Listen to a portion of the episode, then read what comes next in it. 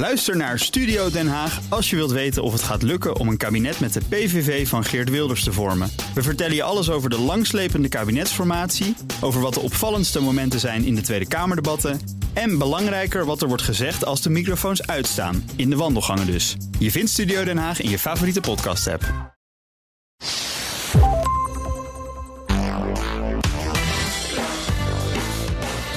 Welkom bij de Ben Tichelaar podcast bij BNR, de podcast over persoonlijk leiderschap. Elke week krijg je tips en inzichten van heel inspirerende gasten die je helpen, en ook mij helpen, om je verder te ontwikkelen in je werk en de rest van je leven. Mijn naam is Ben Tichelaar en mijn gast in deze aflevering is Henk-Jan Kamsteeg, trainer en schrijver van hele leuke, hele praktische managementboeken. Henk-Jan, Welkom, wat leuk dat je er bent. Dankjewel. Ja, we kennen elkaar al heel erg lang eigenlijk. Ik vond het ontzettend leuk dat je vandaag te gast wilt zijn. Even een paar dingen over jou. Dus misschien wel leuk, even als introductie mhm. bij de luisteraars.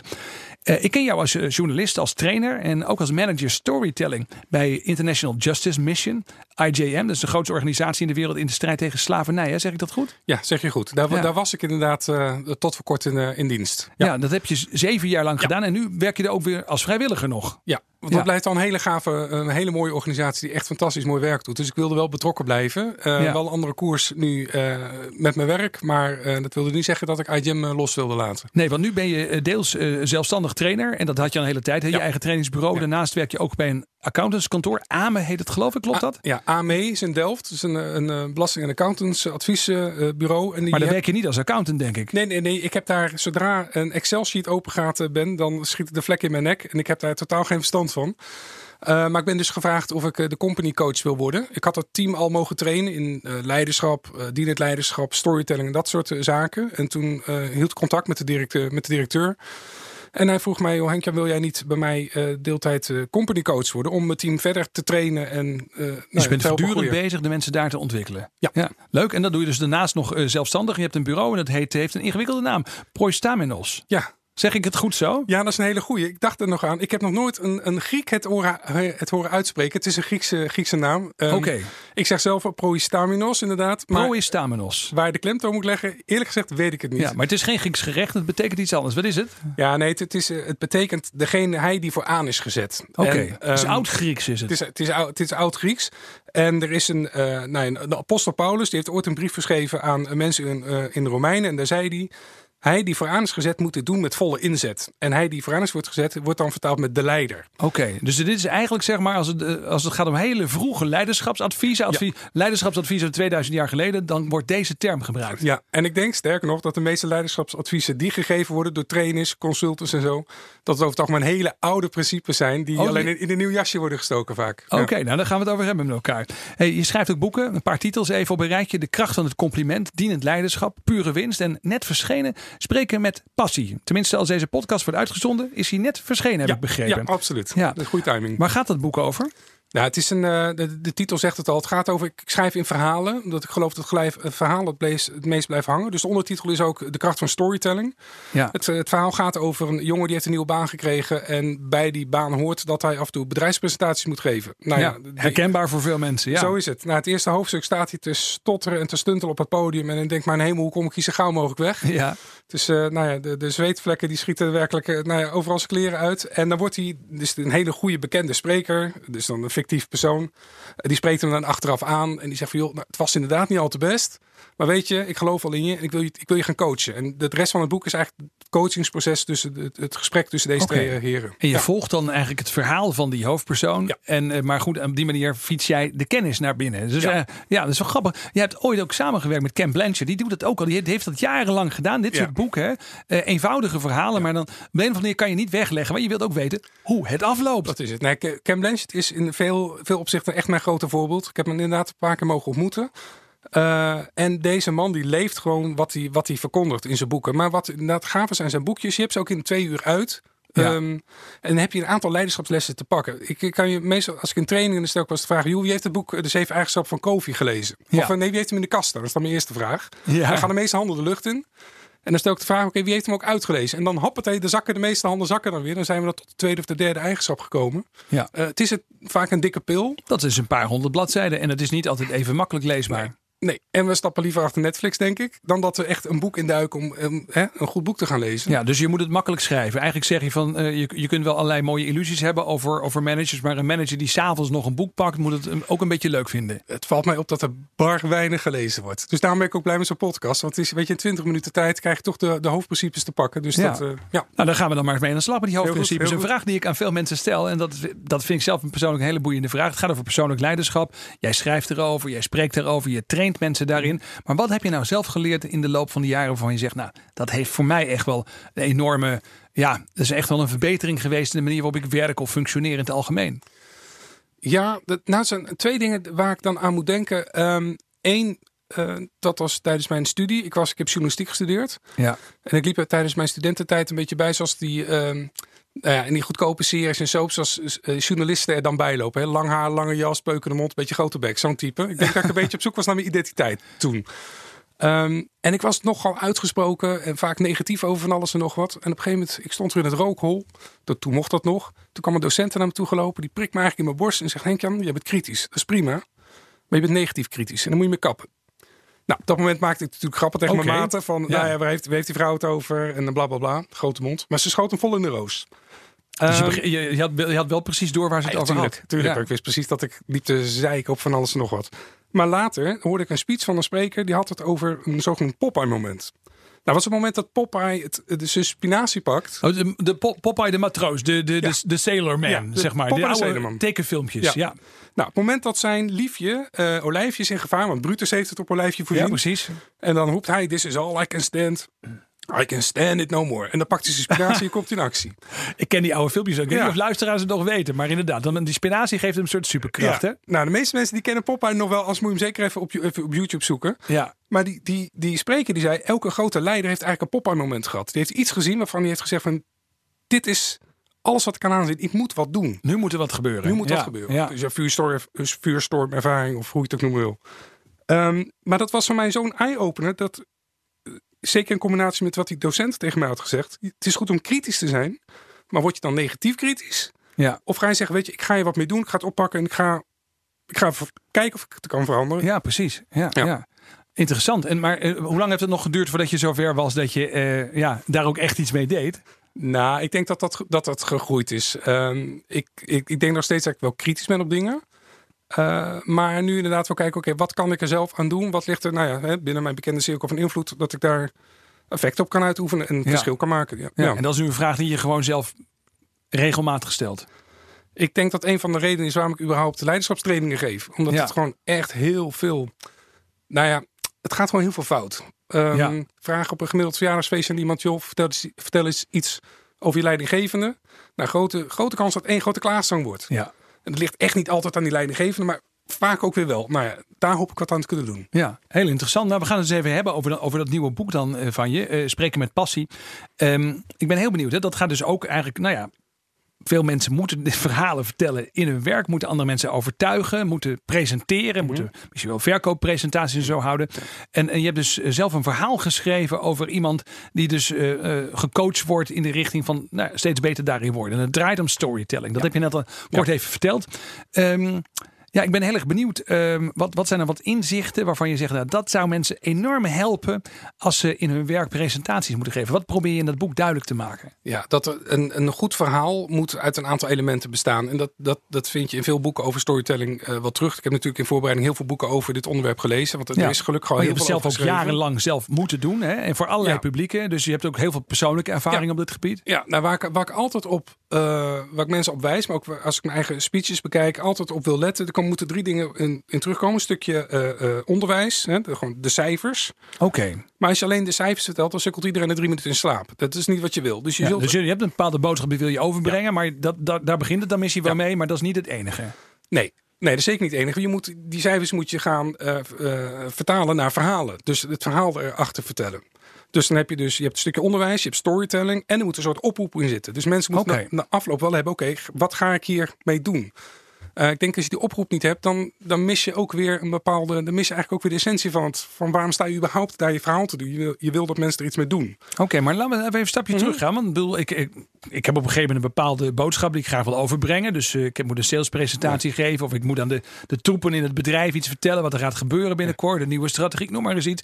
En dan zeg jij, dan moet je dus uh, achter die boodschappen, die feiten of die cijfers, dan moet je dus telkens verhalen achter ja. uh, proberen te, te, te, te maken. Um, maar waar haal ik die verhalen vandaan? Die, die zijn in het dagelijks leven. Die, die kun je van de straat plukken.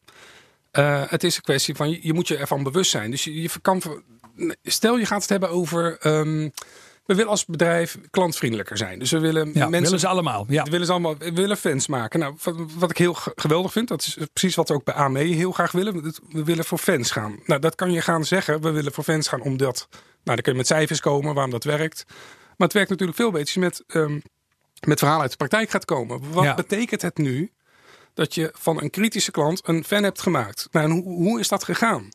Nou, als je mensen daarin meeneemt, dus je collega's, uh, dan inspireert dat ook weer van hey, wauw, dat kan dus echt. En het moeten echte verhalen zijn, zeg je? Echte verhalen die echt spelen in het bedrijf, of in ieder geval in de omgeving, waar mensen het ook eigenlijk als het ware kunnen controleren of herkennen. Ja, dat is het meest krachtig. En het, het, het, is ook heel mooi als dat persoonlijke verhalen zijn. Dus als je als directeur je verhaal gaat vertellen, dus je wil je mensen. Nou, je wil een pep talk geven, je, je houdt een, een jaarpresentatie, weet ik wat. Maar vertel dan persoonlijke verhalen. Wat, wat, ja. wat is jouw wat is jouw passie? En dat is een van de dingen die, die ook terugkomen in het boekje. Um, als je verhaal vertelt zonder passie, dat vergelijk ik dan met uh, een voorbeeld die ik van iemand anders heb. Um, dat ik van iemand anders heb, is dat is golfsurfen zonder golven. Dat is gewoon saai. Dan lig je maar op je plankje te wachten. Oké, ja. Dus een speech zonder passie, ja, is killing. Mensen sukkelen in slaap. Um, toch zijn heel veel sprekers daar best bang voor. En dan heb ik het niet misschien over professionele mhm. sprekers hè, die hierin getraind zijn, maar gewoon mensen die regelmatig dus uh, even op de planken moeten, achter een microfoon of een verhaal moeten doen. Omdat de feiten, dat is heel tastbaar. En dan denk je, nou, dat is ook een, uh, hè, dat is geverifieerd, mhm. gecontroleerd. Mm -hmm. uh, of bijvoorbeeld dat er wetenschappelijke feiten zijn die je graag kwijt wilt aan mensen. En dan als je dan de anekdotes uit je eigen leven gaat, gaat proberen op een rijtje te zetten. En, en ja, dat, dan, dan vraag je soms wel af, is dat wel overtuigend dan? Dus, het, is, het is maar een verhaaltje. Ja, maar dat, dat verhaaltje is wel de kern waar het denk ik om gaat. En het liefst lezen ze namelijk ook die feiten ook nog op van die PowerPoint-presentatie. Dus wat zie je veel sprekers doen? Ja. Die draaien hun rug naar het publiek. Ja, ik zal het nu niet doen, maar dan gaat mijn, uh, mijn microfoon... Uh, ja, horen je niet meer. Horen je, niet meer. Maar dan draaien ze zich om naar die PowerPoint en dan gaan ze die PowerPoint voor staan zitten lezen. Ik denk altijd, ja, stuur mij die PowerPoint dan maar thuis toe. Dan kan ik hem in mijn eigen tijd lezen en dan gaat het nog sneller ook. Wat ik wil zien, ik wil die spreker in de ogen kunnen kijken. Ik wil zien, wat, wat is je passie? Waarom, waarom deel je dit verhaal? Waarom, ja.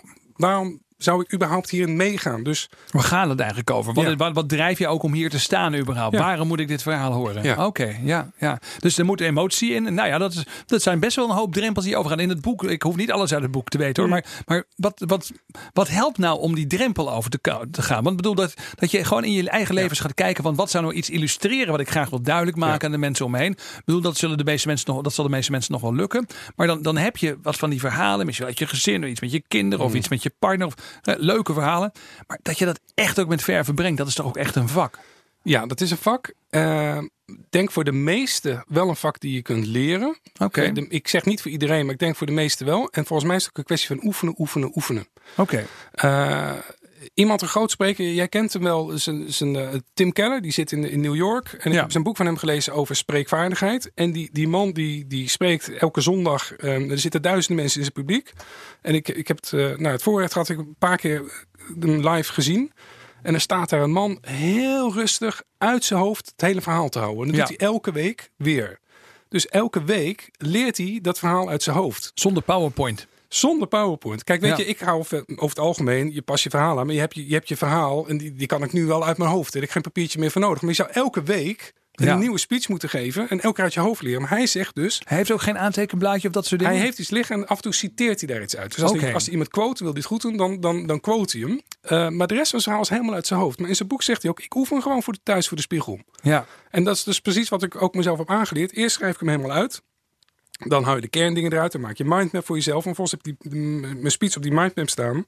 En dan ga ik oefenen. Liefst als mijn vrouw niet thuis is of als mijn kinderen niet thuis zijn. precies. Ja, want het voelt toch een beetje vreemd. Het voelt wat vreemd. Je staat voor je boekenkast te lullen. De- maar weet je, eh, het werkt wel. En dan Ja. leer je hem echt helemaal uit je hoofd. En meestal wat ik ook nog doe, onderweg naar de, naar de plek waar ik de speech hou, doe ik hem nog één keer in de auto. Zou ik Ja. niet helemaal aanraden. Het kan wat, nou ja, wat gevaarlijk zijn misschien, maar ik wil hem uit mijn hoofd kennen. En dan, dan kan je los. Maar dat is interessant, hè? Want ik bedoel, heel veel mensen die zien spreken niet echt als een vak of eh, presenteren. Eh, het hoort dan bij het werk, maar het is niet het leukste. Mhm. Ja. Balen, ik moet morgen Ja. weer een praatje houden, dat gevoel.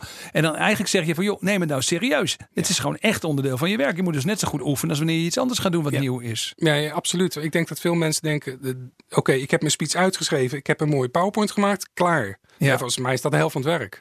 En dan begint het echt te werken. En dat is oefenen. Ja. Mag je überhaupt nog PowerPoint gebruiken van jou of moet je daar gewoon mee stoppen? Ik gebruik hem zelf niet of nauwelijks. Oké. Eh, maar dat wil niet zeggen dat je hem niet mag gebruiken. Ik weet dat jij het wel doet, maar ik, je, je hebt je plaat en er staat misschien één woord op. Maar dat is ook wel mak- maximaal. En wat ik vaak zie, en daar zit mijn aversie tegen PowerPoints een beetje in. Het zaak waar lap, lappen tekst, allemaal bullet points. Ja. En die gaan we dan voor zitten lezen. En het gevaar is, zit hem zo in dat je toch, wat ik net aangaf, naar die PowerPoint gaat zitten kijken in plaats van naar je publiek. Dus dan heb ik zoiets, Ja. nou, la- laat dat ding dan maar weg. Zelf ga ik altijd los op een flip over. Eh, geen mensen Ja. die het meer kan lezen, maar dat geeft al meer interactie. Ja, Maar dat is meer persoonlijk ding. Ik zeg Precies, en is er dan een verschil nog tussen educatie, zeg maar, als je echt bijvoorbeeld een bedrijfstraining moet geven en, je, en, en zeg maar, of je moet een meer motiverend verhaal houden. Want ik bedoel, spreken met passie, ik denk dan aan dat motiverende verhaal, waardoor mensen zeggen, ja, we hebben er zin in, we gaan ervoor. Terwijl soms moet je natuurlijk ook gewoon iets leren. De, de, nieuwe, de nieuwe versie van een of ander softwareprogramma moet gewoon aangeleerd worden. Tuurlijk. En en stel Steve Jobs gebruikt PowerPoint. Dus wie ben ik om te zeggen dat het niet mag? Maar, Oké. eh, dus, maar dat is meer een persoonlijk dingetje. Nee, tuurlijk. Het, het- je moet wel goed kijken wat voor soort lezing of een spreekwoord heb je. En da- daar kan je het op aanpassen.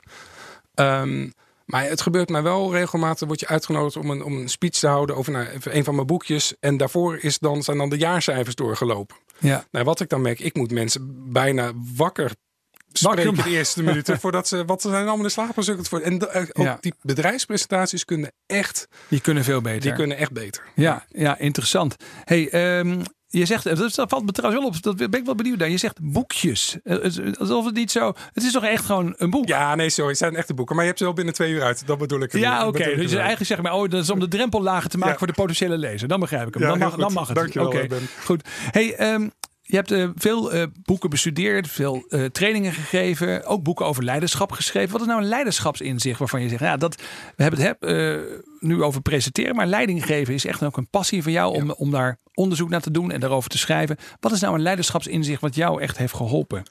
Ja, wat ik al aangaf, ik ben echt een fan van Ken Blanchard. En als je zijn boeken leest, ehm, ik geloof zo ongelooflijk in dienend leiderschap. Dus er echt zijn voor de ander. En dat wil niet zeggen dat het soft is. Dus, dat is ook een vraag die ik vaak stel van...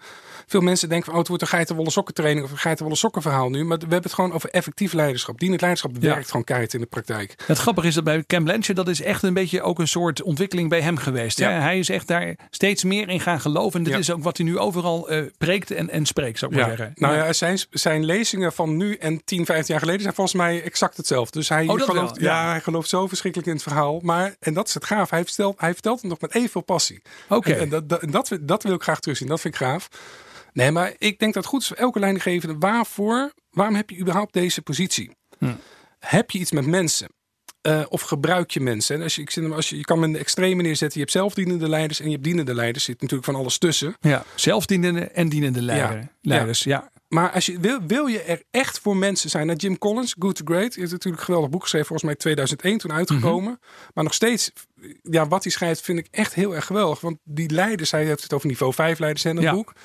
Die hebben, die hebben een bepaalde raamspiegelmentaliteit, heeft hij het over. Oké. En dus het voorbeeld dus is bij mij te blijven hangen. Als ik aan een zaal met medewerkers vraag, eh, stel ik de vraag: wanneer zie je leidinggevende over het algemeen? Dan krijg je standaard het antwoord op het moment dat het fout gaat. Oké. Nou, er is een kreet voor de zeemailmanager. Die ken je vast Ja, wel. ja. De zeemail komt boven vliegen, krijgt het schijtje onder en vliegt weer weg. Nou, dat, helaas is dat de ervaring van veel medewerkers. Ik zie mijn leidinggevende alleen dat het fout gaat. Ja, precies. Nou, ja. De leiders in de goede bedrijven, die gingen eh, voor het raam staan op het moment dat het fout gaat. En dan wijzen ze naar mensen die sukkels hadden het beter moeten doen. Het moment dat ze succes halen, gaan ze voor de spiegel staan. Nee, dankzij mij hebben we dit voor elkaar gekregen. Ja, precies. Ja. Maar de leiders Ja. van de geweldige bedrijven, dus de niveau 5 leiders, die draaien hem om. Oké. Die gaan voor het raam staan eh, op het moment dat ze eh, succes hebben gehaald. En dan wijzen ze naar mensen, dankzij dit team hebben we dit voor elkaar geknokt. En op het moment dat het fout gaat, durven ze voor de spiegel te staan. Wat had ik beter moeten Ja, doen? wat had ik beter moeten doen? Precies. En, en Ja. zelf dienende leider zal, zich die zelf, zal zichzelf die vraag niet stellen. Een dienend leider wel. Want Dus Maar dat zit- betekent dus ook echt zelfkritisch zijn. Ja, dat betekent dat je echt ook eh, hard moet durven te zijn voor jezelf. Ja, ja. En eh, ik denk elke leidinggevende zou een, in die spiegel moeten durven kijken. Of een buddy hebben, een, een mentor hebben. Iemand met wie die optrekt en die voortdurend zichzelf laat spiegelen. Van, doe ik nu wat ik zou moeten doen? Reageer eens. En, Ja. ja. ja. Heel interessant, ja. ja dus en dat raam-spiegelverhaal, dat is inderdaad, eh, nu je het zo, zo vertelt, begint het me weer een beetje te dagen. Ik heb het boek ooit gelezen, maar dat is best wel lang geleden. Ja. En dit is echt, dat jij er dus uithaalt waarvan je zegt, dat zouden leiders moeten weten. Ja, Ja. Mooi. Ehm andere kant, er zijn ook allerlei mythes natuurlijk op het gebied van leiderschap. En ook misschien allerlei mythes op het gebied van presenteren en andere dingen Mhm. waar je zo over hebt geschreven. Wat is nou een mythe waarvan je zegt, ja, het is knettergek. Mensen blijven het maar geloven en het is gewoon niet waar. Ja, en de- dan moet ik denken aan geld. Hoe belangrijk je het, je moet. Je moet geld verdienen met je werk. Ja. Jij moet dat, ik moet dat, dat moeten we allemaal. Je moet Liever winst, wel, ja. Tuurlijk, je Ja. moet winst maken, als kun je bedrijf opdoeken. Maar draait het echt alleen maar om geld? Is dat je hoogste doel of is het een middel? Ja, En ik, eh, ik moet dan denken, ik, had eens een, eh, ik mocht een, een traject, een waardetraject leiden bij Breeman. Een, grote club Genemuiden. Uh, Oké. Je ziet al die, je ziet over het land die busjes wel rijden. Dus opgericht door wat, vijf- wat doen ze ook alweer? Wat ja, is installatietechnieken en Oké. allemaal dingen waar ik geen verstand van heb. Maar het is opgericht door vijf broers. Nou, die heren zijn eh, op een gegeven moment werden ze bejaard. En het is een familiebedrijf. Dus de volgende generaties nemen dat dan over. Ja. Maar de, eh, de oprichters begonnen zich wel een beetje zorgen te maken. Hey, die waarden die wij hebben, leeft dat nog hè, binnen het bedrijf? Ja. Laten we met z'n allen dat gesprek eens aangaan. En, En, en waren die waarden uitgeschreven of was het meer impliciet tot die tijd? Nee, dat is echt allemaal keurig uitgeschreven. Oké, dat zijn hele duidelijke waarden. En wat mij opviel, eh, ik, heb ze, ik heb de vijf heren, eh, of de vier van de vijf heb ik geïnterviewd. Dus ik kwam ook bij hen thuis. En je weet, het bedrijf gaat hartstikke goed. Ik denk, kom een enorme villa's en weet ik wat allemaal niet. Dat viel allemaal reuze mee. En, en wat Ja. ze allemaal afzonderlijk van elkaar zeiden. Soms is genoeg ook gewoon genoeg. Hm. En dat vond ik wel een hele wijze uitspraak. Is het soms ook gewoon genoeg? Of willen we alles uit de kast trekken en dus ook onze mer- mensen nou ja, eh, uitwringen bij wijze ja, van ja, spreken? maar- alles, alles eruit halen. maar dan op een beetje op een negatieve Ja. manier. Ja, Ja, waarop Ja. iedereen vervolgens instort. En dan tot de conclusie komen dat die winst maar tijdelijk was. En dat heeft ook weer met dienend leiderschap te maken. Durf je op de langere termijn te kijken? Durf je echt in mensen te investeren? Ja. En weet je, dan komt die winst. Nou, Blanchett heb je hem weer, dan hou ik over hem op. En die zegt, winst is het applaus dat je krijgt voor de service die je verleent aan je medewerkers en aan je klanten. Dus het, het is een resultaat. Ja. En ga je voor, ga je, als, is winst je hoogste doel? Ja, dan gaat het ten koste van je mensen. En zeker als je denkt dat je daar vrij rechtstreeks op kunt afkoersen. En dan zeg maar die, die service naar medewerkers en klanten zou kunnen overslaan. Dan gaat het dus echt pas mis. Daar gaat het Ja. echt mis. Ja. Zeg, ehm, ik heb voor iedereen een verrassende vraag die hier in deze podcast komt. En die verrassende vraag, ja, dat is ook voor mij een verrassing iedere keer. Want ik heb 15 genummerde env- enveloppen. En eh, ik wil jou vragen om een nummer te kiezen. En dan, eh, dan ga ik eens kijken wat er in die envelop zit. Nou, pak de laatste maar, nummer 15. Nummer 15. Eens even kijken. Nummer 15. We gaan hem openmaken. Nummer 15. Nou, dit, eh, dit is wel een mooie. Het, raakt wel een klein beetje aan iets wat je eerder hebt gezegd, denk ik, in deze podcast. Wie of wat maakt jou echt heel boos?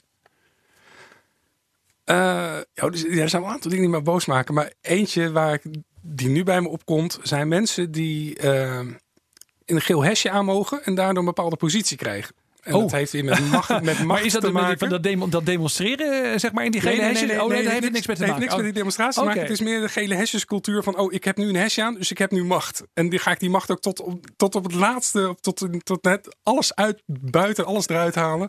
En er zijn vaak mensen Moest je, die- moest je net omrijden of zo toen Nee, je hier naartoe kwam? Dat nee. was een wegomleiding of zo. Het is nu niet gebeurd, maar het overkomt. Ik heb bijna, nou ja, ik, dat is niet uit. Echt ruzie maken met, met gele hesjes. Want nee, dat mag niet. Het, nou ja, het, heeft mee mij. Ik zeg, maakt altijd grap. Ja, misschien mag ik dat niet zeggen. Maar in de oorlog was je fout geweest. Maar weet je, dan heb je. Dat heeft weer wel met macht en met leiderschap te maken. Ja, Soms ja. als je mensen positie geeft. Maar dat geldt niet alleen maar voor mensen die gele hesjes aantrekken. Dat geldt ook voor mensen die zeg maar een blauwe blazer aantrekken. Ja, nee, absoluut. Maar met de gele hesjes valt het meteen wel op. Ja, die- van, die reflecteren, dat is waar. Je mag vandaag en dan gebruik je die macht ook. En eh, daar, kan ik echt, daar kan ik echt heel link van worden. Ja. Dan moet ik echt Oh, oké, uitkijken dat ik mijn raampje niet open druk. En eh, nou ja, goed. Gevaarlijk. Oké, ik zal de volgende keer als ik zelf zo'n hesje draag erop letten dat jij niet in de buurt bent. Hey, en dan als laatste, allerlaatste is een, een mediatip voor jou. Iets wat we moeten lezen of iets wat we moeten kijken waarvan je zegt, ja, dat is echt, echt nuttig om daar eens aandacht aan te besteden. Ja, ik, ik, eh, ik ben een trouwluisteraar van deze, pod, deze podcast en ik hoor veel boeken. Eh, dus ik dacht aan een boek Vaar je eigen koers van Bill George. Dat vind ik echt een onderschat boek over leiderschap. Gaat over Ja. authentiek, authentiek leiderschap. Vond ik heel goed. Maar ik dacht, ik doe, noem hem niet. En nu toch stiekem gedaan. Maar ik wil je Ja, heel iets maar anders Bill noemen. George, Harvard Business School, eh, docent daar. Hè, Maar iemand die zelf jarenlang CEO ook van een groot bedrijf Ja. is geweest. Heel interessante eh, ik. Maar goed, Ja. die dus niet. Ik heb hem een keer horen spreken en dat viel me wel weer tegen. Maar zijn boek vind ik echt, vind ik Oké. echt heel erg goed. Nee, de, de, de tip die ik wil geven is van een heel andere orde. En ehm, ja, ik durf het ook bijna niet te zeggen in deze tijd, gezien de documentaire die een paar maanden geleden is uitgezonden. Maar dat is een nummer van Michael Jackson. Oké, Eh, en ik, ik luister nog steeds vervent Michael Jackson. Dus eh, goed, ik ben niet helemaal objectief. Maar ik ontdekte niet zo lang geleden een nummer wat hij heeft gezongen samen met Barry Gibbs van eh, Barry Gibb van The Bee Gees. oké. En ik wist Met zijn lange haar, met die hoge stem. ja, ja. en dat nummer heet All in Your Name. En als je die op YouTube zoekt, dan zie je daar twee heren staan. En wat, wat ik zo geweldig vind eh, aan, aan die opname van, van die clip is die passie die erin zit. Ja, je moet maar eens kijken. Het hoeft niet je muziek te zijn, maar die passie die je in Michael Jackson ziet op het moment dat hij staat te zingen, het komt uit zijn tenen. Ehm, Michael Jackson en Barry Gibb, All in Your Name. All in your name. En nou, nou, dat gaat, daar kom ik toch weer terug. eh, titel van mijn boekje. Die, die passie, dat vind ik gaaf. Als ik passie Ja. zie in mensen, wat ze ook doen. Ja, wat ze ook doen, maar veel dingen. Nee, maar ik dat, begrijp dat wat je bedoelt. Muziek, muziek waarbij je voelt van het komt uit de tenen. Ja. Dit is iemand die, gelooft hier ook Ja, echt in. Ja, ja. dat, eh, dat is aansprekend. Mooi. Mooi. Nou, dit was ook aansprekend. Dankjewel dat je hier wilde zijn, Henk-Jan. Graag gedaan, dankjewel. mooi. Ehm, dit was de Ben Tichelaar podcast bij BNR met als gast Henk-Jan Kamsteeg. Vond je dit interessant? Check dan ook mijn andere podcasts op www.bnr.nl slash Tichelaar.